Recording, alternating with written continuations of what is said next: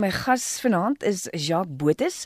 Hy is 'n kliniese maatskaplike werker in die privaat praktyk, uh, ook 'n sielkunde dosent. Kom ons groet net eers vir die man. Goeienaand, Jacques. Goeienaand, Renske. Kan net jou lyn klink vir my goed darm. En vanaand het ons besluit ons gaan gesels oor uh, die mense vermoë om stres te hanteer. En uh, ons gaan kyk oor hoe mense gewoonlik reageer teenoor 'n krisis en of dit die regte manier is en wat 'n mens kan doen om jouself veerkragtig te maak. Ons praat nou nogal daaroor omdat dit hierdie tyd van die jaar is.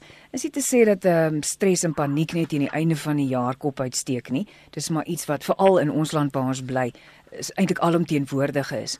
Maar veral hierdie tyd van die jaar is daar mense wat selfs paniekerig raak omdat hulle alleen is en weet dat hulle deur die feestyd moet gaan alleen en dit kan nie lekker wees nie. So, krisis, stres, trauma, al daai dinge wat vir mense sommer wanneer jy die woorde hoor dan kry jy sommer al klaar hoendervleis en jou maag begin so half draai. En dis nogal 'n vreeslike vreemde gevoel daai. En miskien kan jy sommer vir ons sê hoekom draai mense maag so wanneer jy 'n uh, stres of trauma beleef? Is dit iets wat jou lyf afskei net so om af te skop mee? Wat veroorsaak daai holkol op die maag wanneer 'n mens gestres raak? Ja. Dit is dit is 'n definitiewe ding en en jy noem nou al daai woorde en jy sê ou kry so hokkel op die maag. En ehm um, nou baie interessant het ek uh, onlangs 'n artikel van die Wêreldgesondheidsorganisasie. Ehm um, kyk die selle meeste van die siektes het ons onder beheer. Jy weet met sanitasie, met antibiotikas, met medikasie. Maar as ons nou gaan kyk wat ons by die uh, ongevalle gaan kry, interessant gaan dit lewenstyl siektes wees as ons kyk na die, die hospitale. Met ander woorde hartkondisies, gesondheidskondisies, ehm um, lewenstyl. Jy weet oorgewig, ons kry nie genoeg van en ensovoorts nie. En dan stresverwante siektes asook uh, trauma, met die woord trauma genoem, maar uh, human inflicted trauma, so net in ons in Suid-Afrika woon in 'n land met eintlik baie min natuurlike ehm um, die trauma wat veroorsaak word deur ja. vulkane wat of vreeslike aardbewings wat hier gebeur so baie van ons ehm um, toestande of of of stres wat ons het is wat jy weet wat medemense op mekaar ehm um, gee en en en en wat ons aan onsself gee. Die die lewenstyl wat ons aanpas. Nou daai reaksie van die hokkel op die maag. Ons moet onthou dat die mens as 'n geheel reageer. En waarop reageer ek? Ek reageer op my interne wêreld sowel as my eksterne wêreld.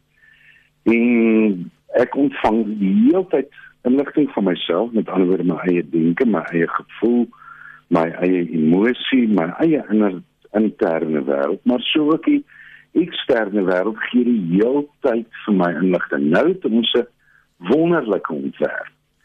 Ehm um, deel van die mens se liggaam laat ek gaan nie net op sielkundige vlak, maar op liggaamlike vlak, vlak gaan ek ook reageer. Met ander woorde, my ontwerp is wanneer ek inligting ontvang, wat vir my sê jy is op een of ander manier bedreig. Met ander woorde, hier skielik is 'n gevaarlike hongerleeu in die vertrek. Nou moet ek reageer op 'n sekere manier. Of as ons gaan toe ons nog moet jag vir ons kos. As Jacques en Renske in die veld geloop het ons het nou gaan jag vir ons vleis. En skielik kom daar 'n leeu en hy val my aan en hy weet my sommer heeltemal op voor jou. Hmm. Gaan daar iets met renske gebeur. Jou liggaam moet vir jou laat weet. Jou sentrale senuweestelsel gaan hierdie proses probeer kognitief verstaan wat het hier gebeur en dan gaan ons limbiese stelsel in die brein waar wat verantwoordelik is vir my oorlewing en vir veral 'n deel van die brein met die naam van die amygdala wat verantwoordelik is vir vrees en vir stres en angs. Die amygdala gaan saam met die hippocampus daai ding so in jou geheue inprent. Want dit is belangrik dan vir ons om te weet hoe lyk leeu, hoe ruik leeu en wat maak die leeu? Want vir my oorlewing het dit 'n bedreiging gehou.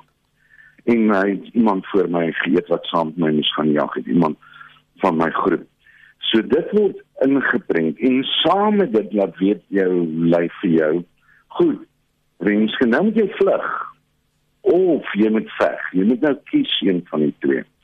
En die brein draai al sy krane oop. En hy het 'n respons op hierdie inligting in die omgewing. Daai respons is ek moet veg of ek moet vlug vir my omgewing. Nou ongelukkig het hierdie amygdala, uh, die uh, Grieke het hom 'n naam gegee want hy lyk soos 'n ehm um, 'n olyf amper. Hmm bring daai inligting so enige iets in die toekoms wat lyk soos leeu, wat voel soos leeu, klink soos leeu, selfs reik soos leeu. gaan daai amygdala sy tas oopmaak en sê, "O, nou moet ek vinnig vinnig weer al die vorige inligting wat ek uh, ontvang het as dit by angs kom of vrees of 'n krisis." moet ek nou weer soek en sê al die items wat in daai tas is uithaal en dit vergelyk en sê ja. Hier is hy. So daai holkel op my maag is die bloed wat onttrek waar dit moet nodig is want dis nou nie spiere nodig indien ek moet vlug of veg. En saam met dit is daar kognitiewe prosesse wat nou op een ding ingestel is en dit is oorlewing. So mense vra baie keer hoekom moet ek op 'n sekere manier gereageer toe daar 'n krisis was? Hoekom moet ek dadelik in veg ingaan of hoekom moet ek gevlug? Hoekom moet ek nie kalm gebly nie? Want daai holkel op die maag en ehm um, die paniek wat ek in daai oomblik ervaar en die vrees wat ek ervaar, want is eintlik meer vrees as dit onmiddellik in die omgewing is. Ehm um, was 'n bedreiging vir my en ek het nie nou gaan vra maar leeu, het jy nie al geëet nie of is jy nie 'n menslewende leeu nie? Ek het dadelik my limbiese stelsel oorgevat en my liggaam het oorgegaan tot 'n stresrespons. Hy het 'n alarmfase beleef wat gesê nou moet daar oorleef word. Niks anders. Ons gaan nie redeneer nie. Ons gaan nie daaroor dink nie. Ons gaan dit nie nou rasioneel prosesseer nie.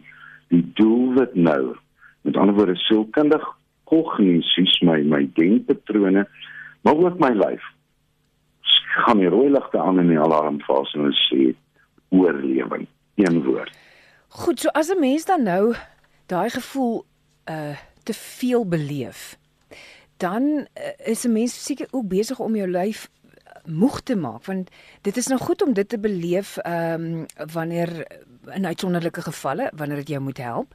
Maar wanneer 'n mens die hele tyd gestres is dan gaan jy die hele tyd met daai uh, gevoel op jou maag rondloop. Wat beteken dat jou lyf die hele tyd daai dinge afskei en dit kan seker nie goed wees vir 'n mens nie?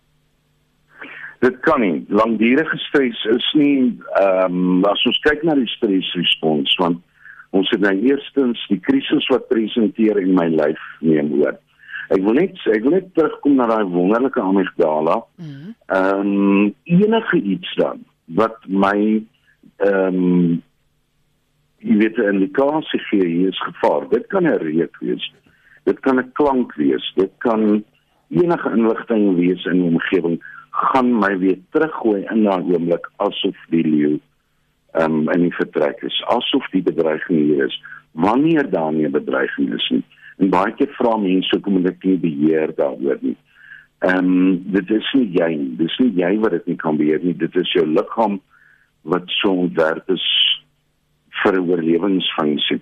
Daarom kan dit gebeur op die vraag wat jy nou gevra het. Ehm um, konstant, konstante angs, uh konstante vrees, konstante stres en wanneer ons kyk na die stresrespons ehm um, eerstens van dit is die simpatiese afdeling van die van my autonome senuweestelsel. Met ander woorde, dis nie iets wat ek kan beheer nie. Dis nie ja. deel van my senuwee stelsel wat ek net kan 'n besluit neem ek gaan die pen optel mm. of ek dink oor wat ek gaan sien. Die autonome senuweestelsel ehm um, nie word dis soos my asemhaling, dis soos my hartklop waar ek nie beheer het nie. Die hormone wat ek afskei en die neurotransmitters wat ek afskei ehm um, gebeur dit as ons na die grafiek kyk en wat ons moet onthou mense deur die dag as ek 'n mooi liedjie op die radio hoor dan kan dit my na 'n uh, eh, gelukkige plek toe vat. Dit vrolik my optaal musiek klanke gedagtes. Ons emosies is gekoppel aan dit. En saam met dit wanneer ek opgewektheid ervaar en wanneer ek sê opwekking, dit kan woede ook wees, jy weet.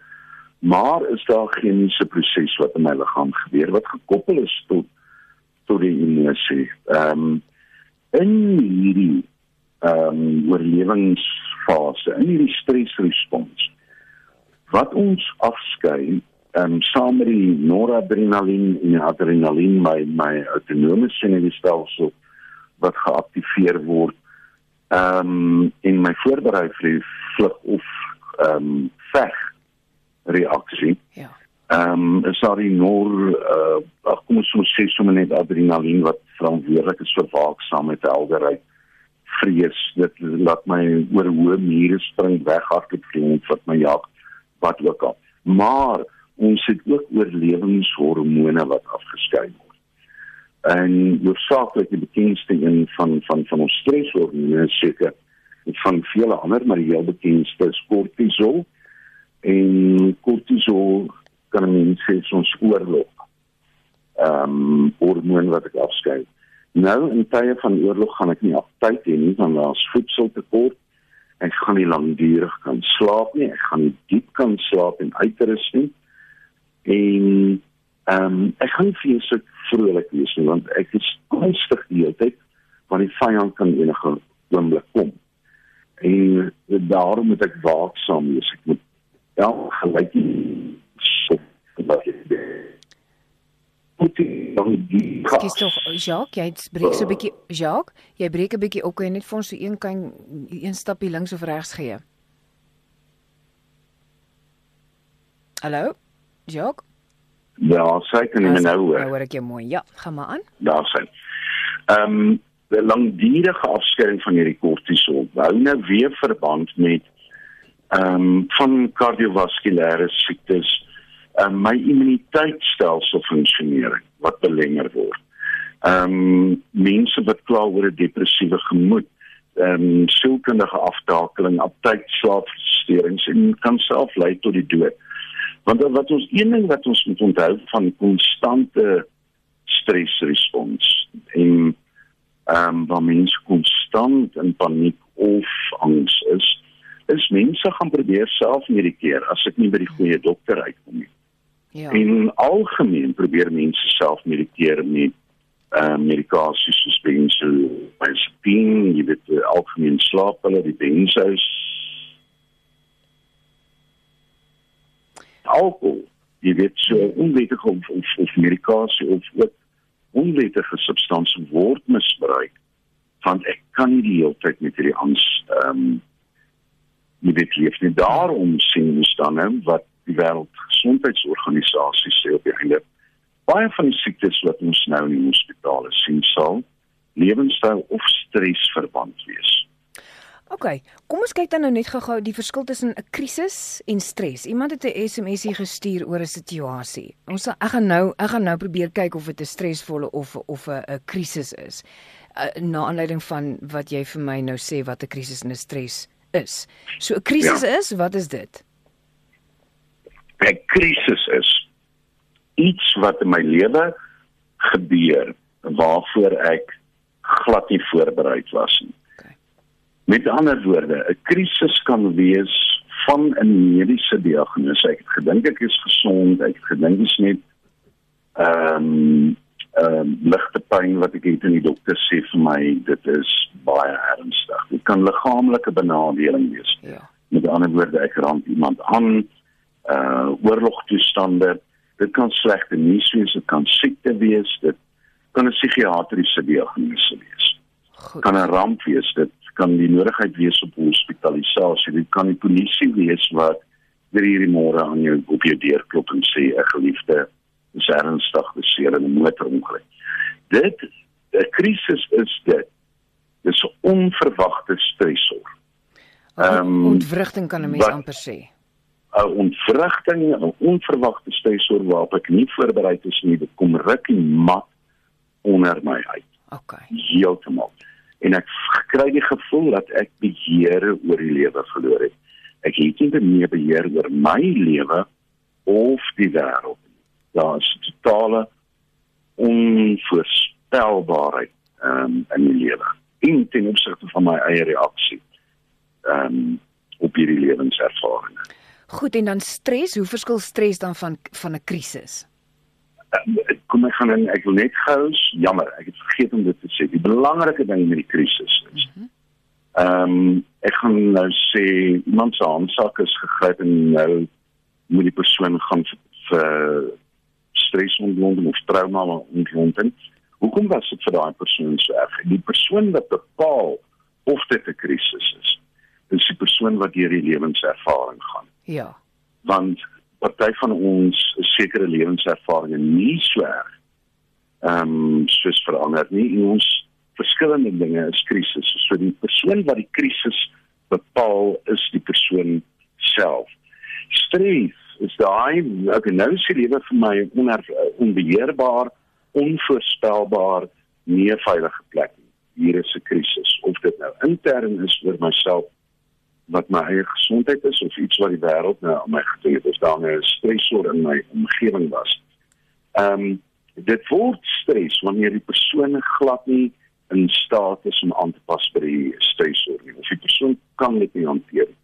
Met ander woorde, ons sê die persoon se hanteringsvermoë is uitgeput of onvoldoende tot dit. Ehm um, so stres is dan letterlik of stresrespons my siege en my liggaam is besig om te reageer op hierdie krisis wat ek ervaar het.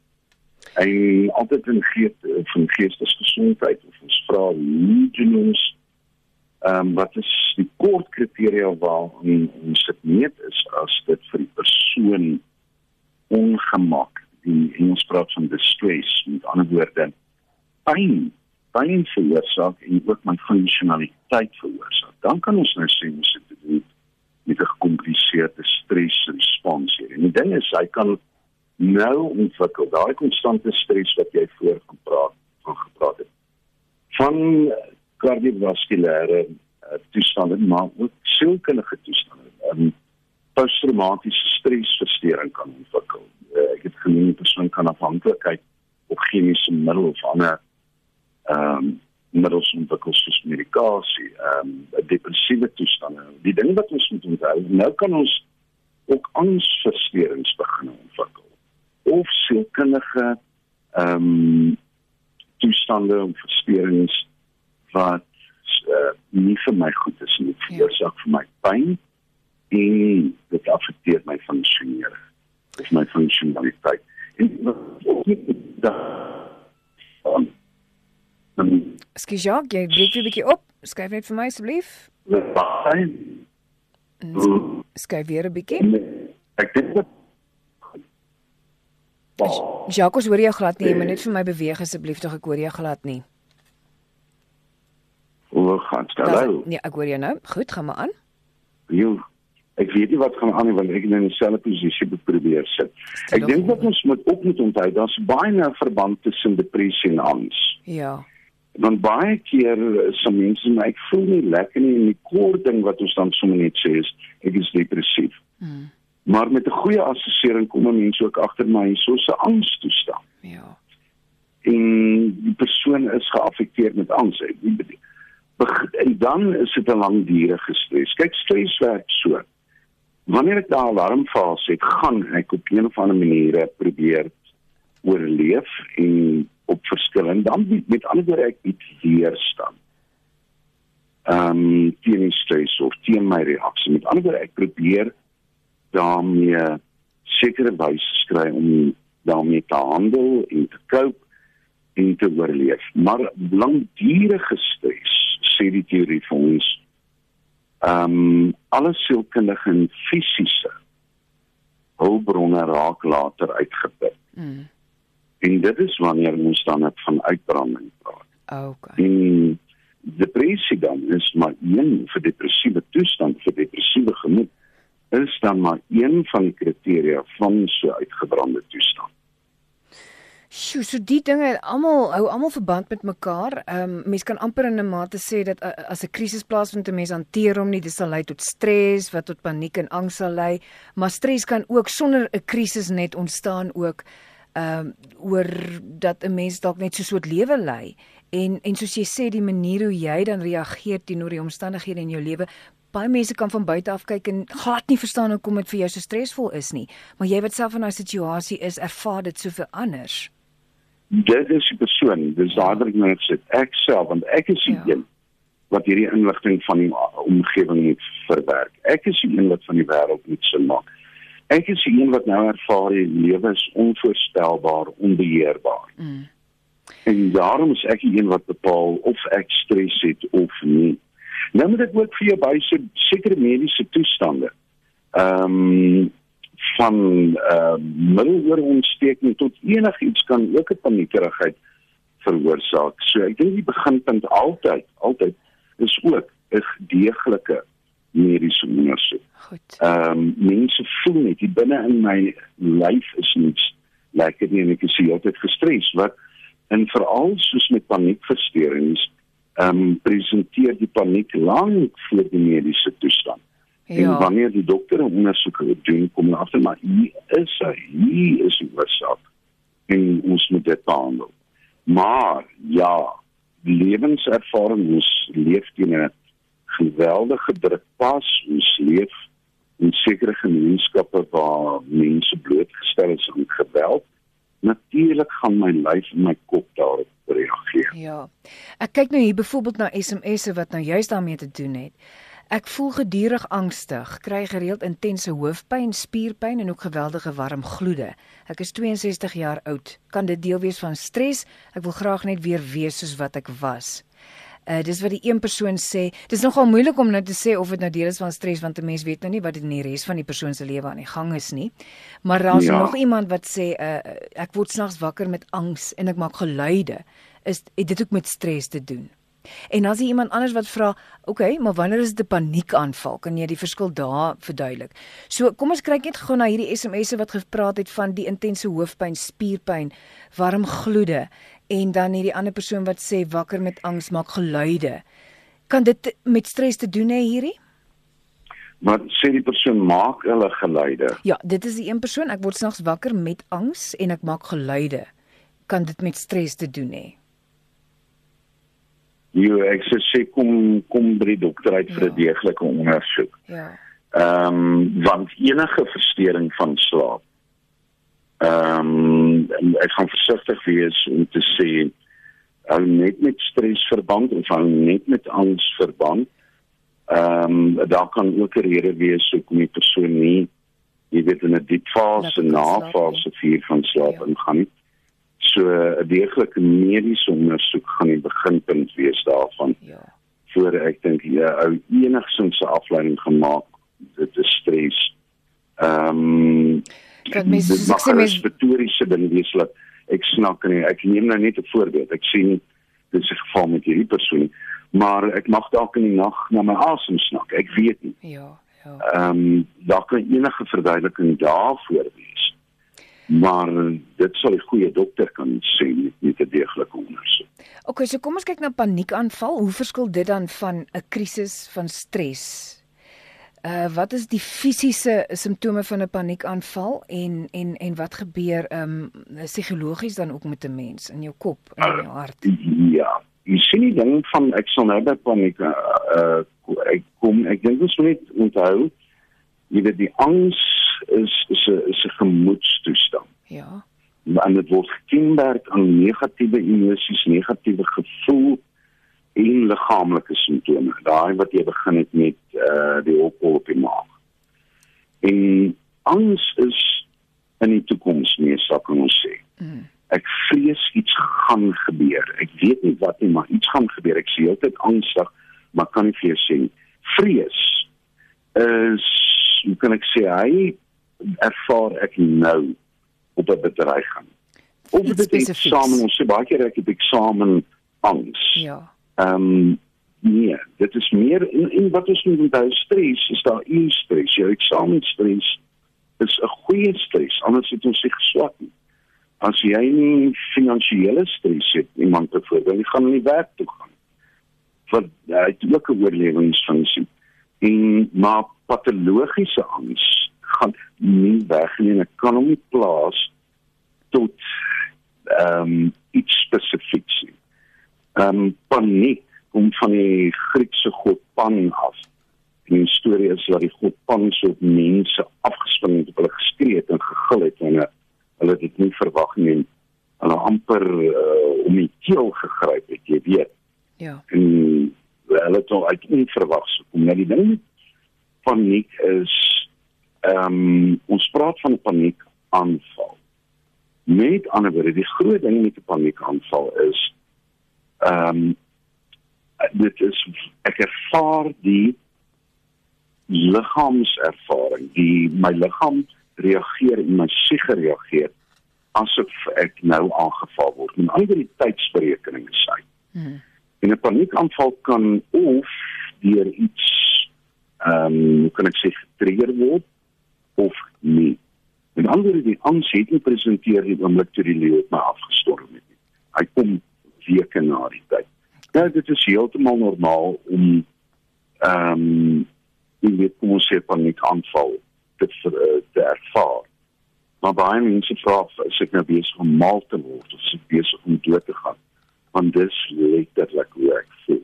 Hoekom wat gebeur? Um, trek jou keel toe of raak jy lighoofdig? Jou keel trek vir baie mense voel dit soos 'n hartaanval. So jy het van daai hartklopings, jou hart wat letterlik teen jou borskas ehm um, slaan in 'n verhoogde hartklopings, abnormale sweet, ehm um, mense begin bewe en hulle sê ek verduidelik hoe kom ek bewe nie party mense begin hiperventileer want ek kry nie asem nie.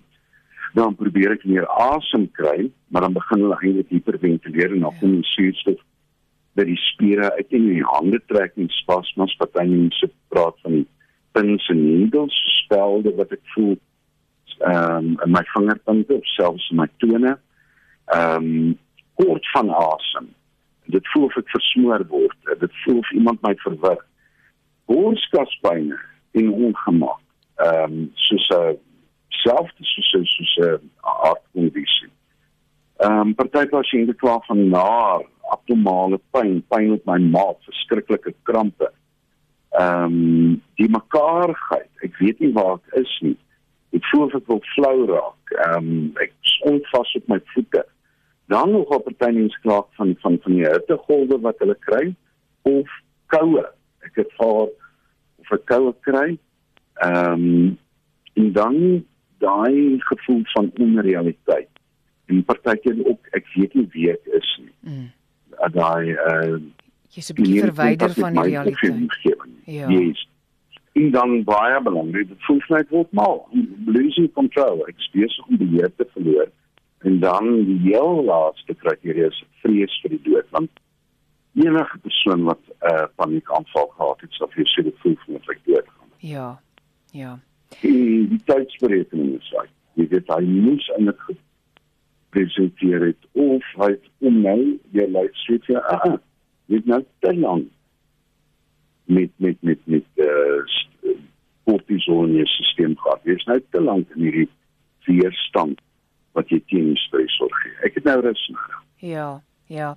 Uh iemand wat sê wat van jarelange teleurstellings en spanning wat jou tuister tot die uiterste, moes al op pensioen wees en swyg al jare, ly aan slapeloosheid, depressief en baie siektes, sien nie meer kans vir die lewe nie, maar ek het geen geld vir behandeling nie. Dit is nou 'n bietjie van 'n situasie dan.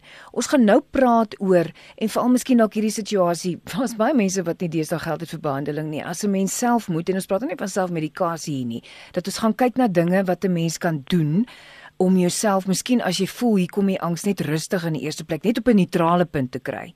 Ehm um, maar voordat ons daarby kyk wil ek net hierdie SMS ook vir jou lees. En die wat gou-gou wil bel, daar is nog so 10 minute omtrent vir beltyd 0891104553. Maar Jacques, hoor gou-gou hierso, uh iemand wat sê my man is vandag vir die tweede keer met kanker gediagnoseer. Hmm. melanoomkanker. Hy word volgende week geopereer. Nou ons is gelowig, ons vind ons vrede in ons Skepper, maar steeds is daar fisiese aksies wat moet plaasvind ten opsigte van sy en my werk voor en na sy operasie wat ons nou onder baie druk sit. En ons het tienerkinders in die huis met hulle eie bekommernisse oor hulle pappa se diagnose en die eksamens wat afgelê word. So die persoon vra nou sommer reguit vir jou voorstelle wat ons kan doen om die stres net beter te hanteer. Maar hierdie as ek nou luister na jou definisies van krisis en stres, klink hierdie vir my soos 'n krisis gemeng met stres. Natuurlijk. En as dit nee. die tweede keer is wat die persoon ook al gediagnoseer is, dan dan kom hierdie kris, die stres kom nou al van die eerste diagnose seker af. So dis 'n lang tyd nou al met die familie. Ja, my jy weet my ons almal word uh bedreig hier. Hier en ons almal ervaar 'n krisis. En in my gesin, ek dink ehm um, van van van vir baie jare was dan net met die pasiënt gewerk. Die ja. pasiënt wat die diagnose gehad het maar ons beweeg al meer ehm um, uh na na multiprofessionele benadering in met almal met die stelsel te werk want die familie word ook geraak. Natuurlik. So ek sou vir daai gesin sê moenie huiwer om te gaan praat en nie huiwer om hulp te soek nie. Die, die die dokter behandel die toestand. En vir alle spesialiste jy weet spesialiseer in 'n sekere area wat hulle behandel en dis waarvoor hulle opgelei is.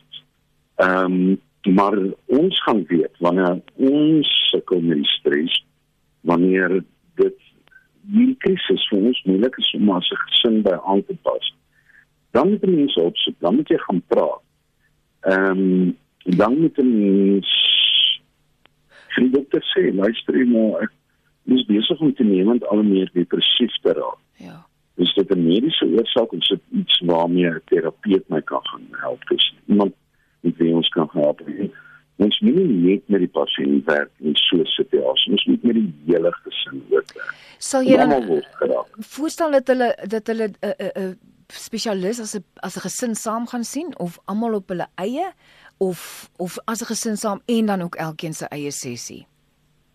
Jo, ehm um, ek sê dink die beginpunt gewoonlik is om te sê kom ons as 'n gesin gaan praat. Of baie keer sê kinders net maar ons is okay, ons kyk.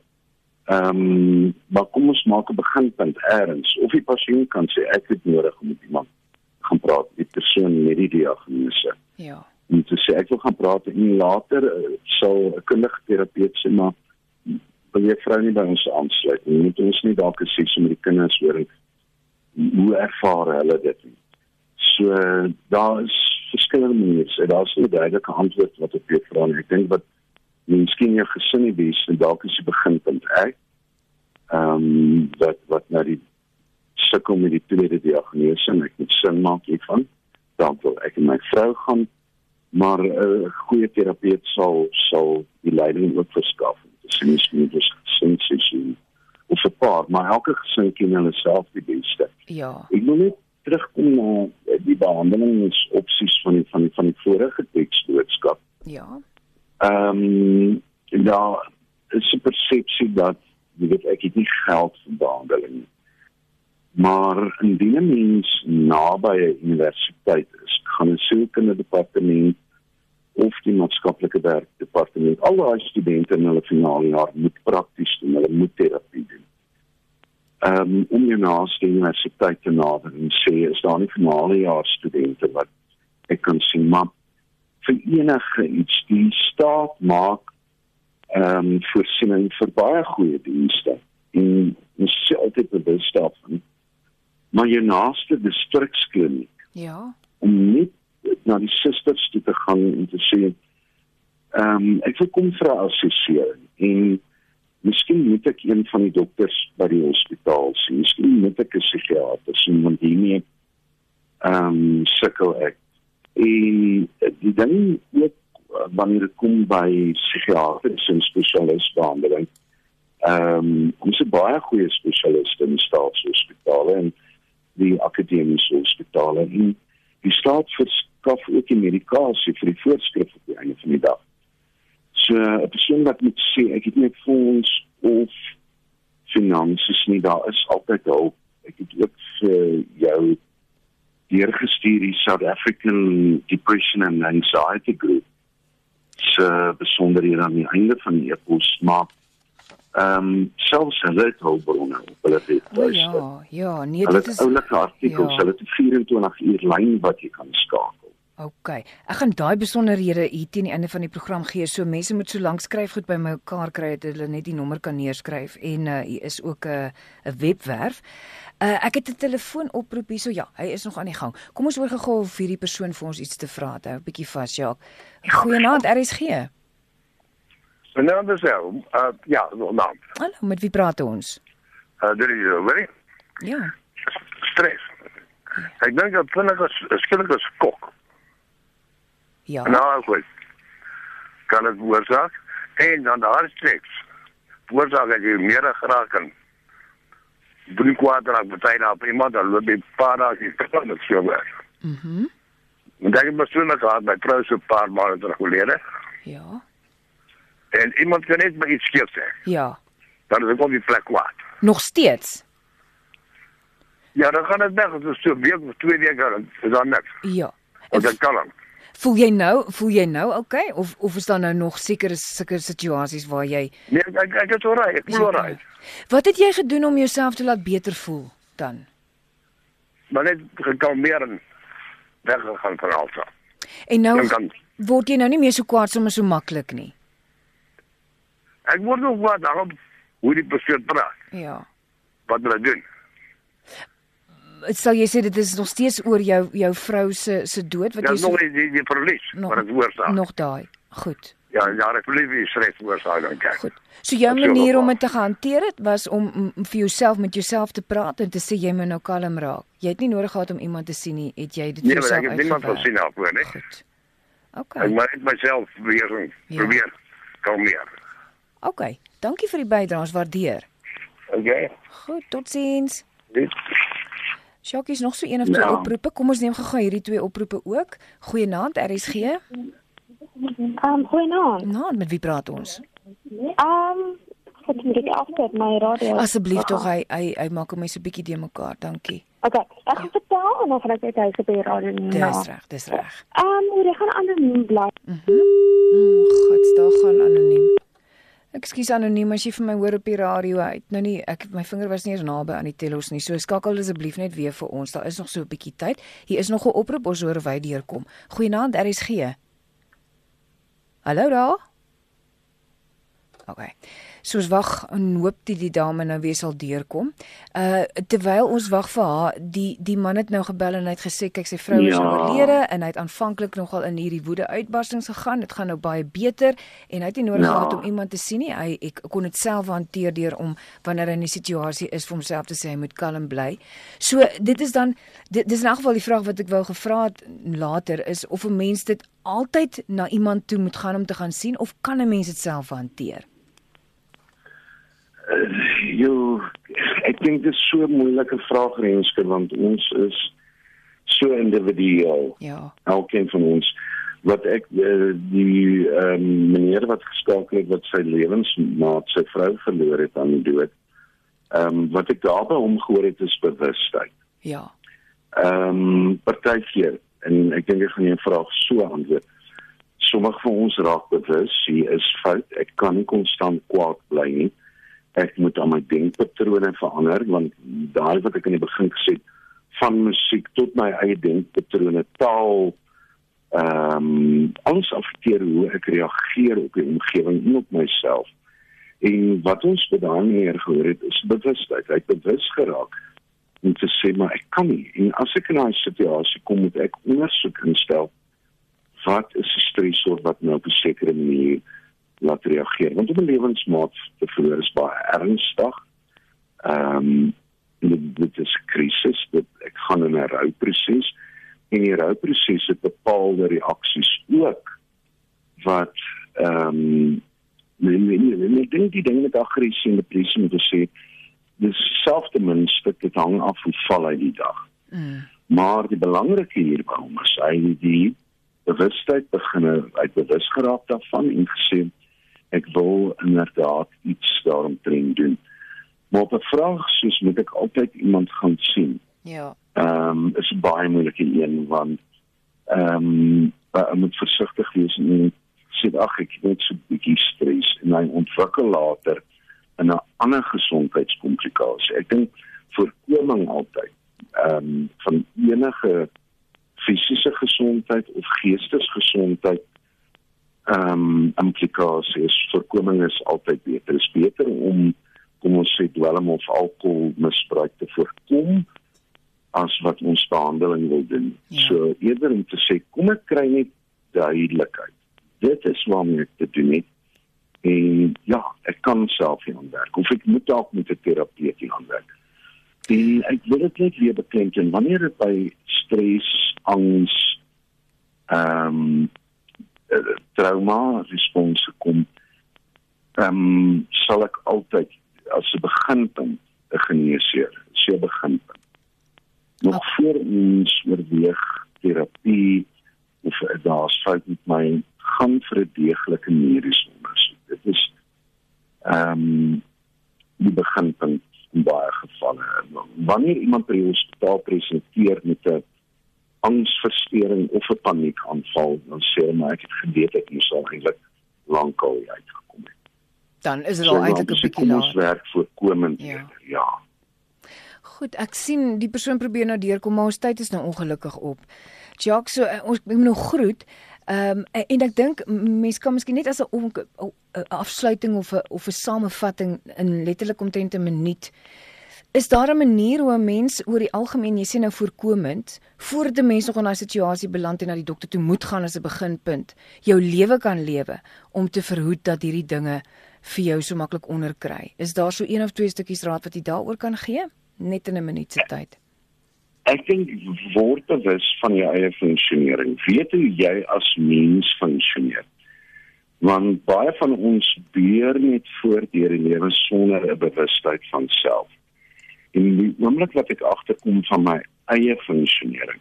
Wat is produktief en wat is onproduktief vir my? Wat is goed vir my? Wat is nie goed vir my?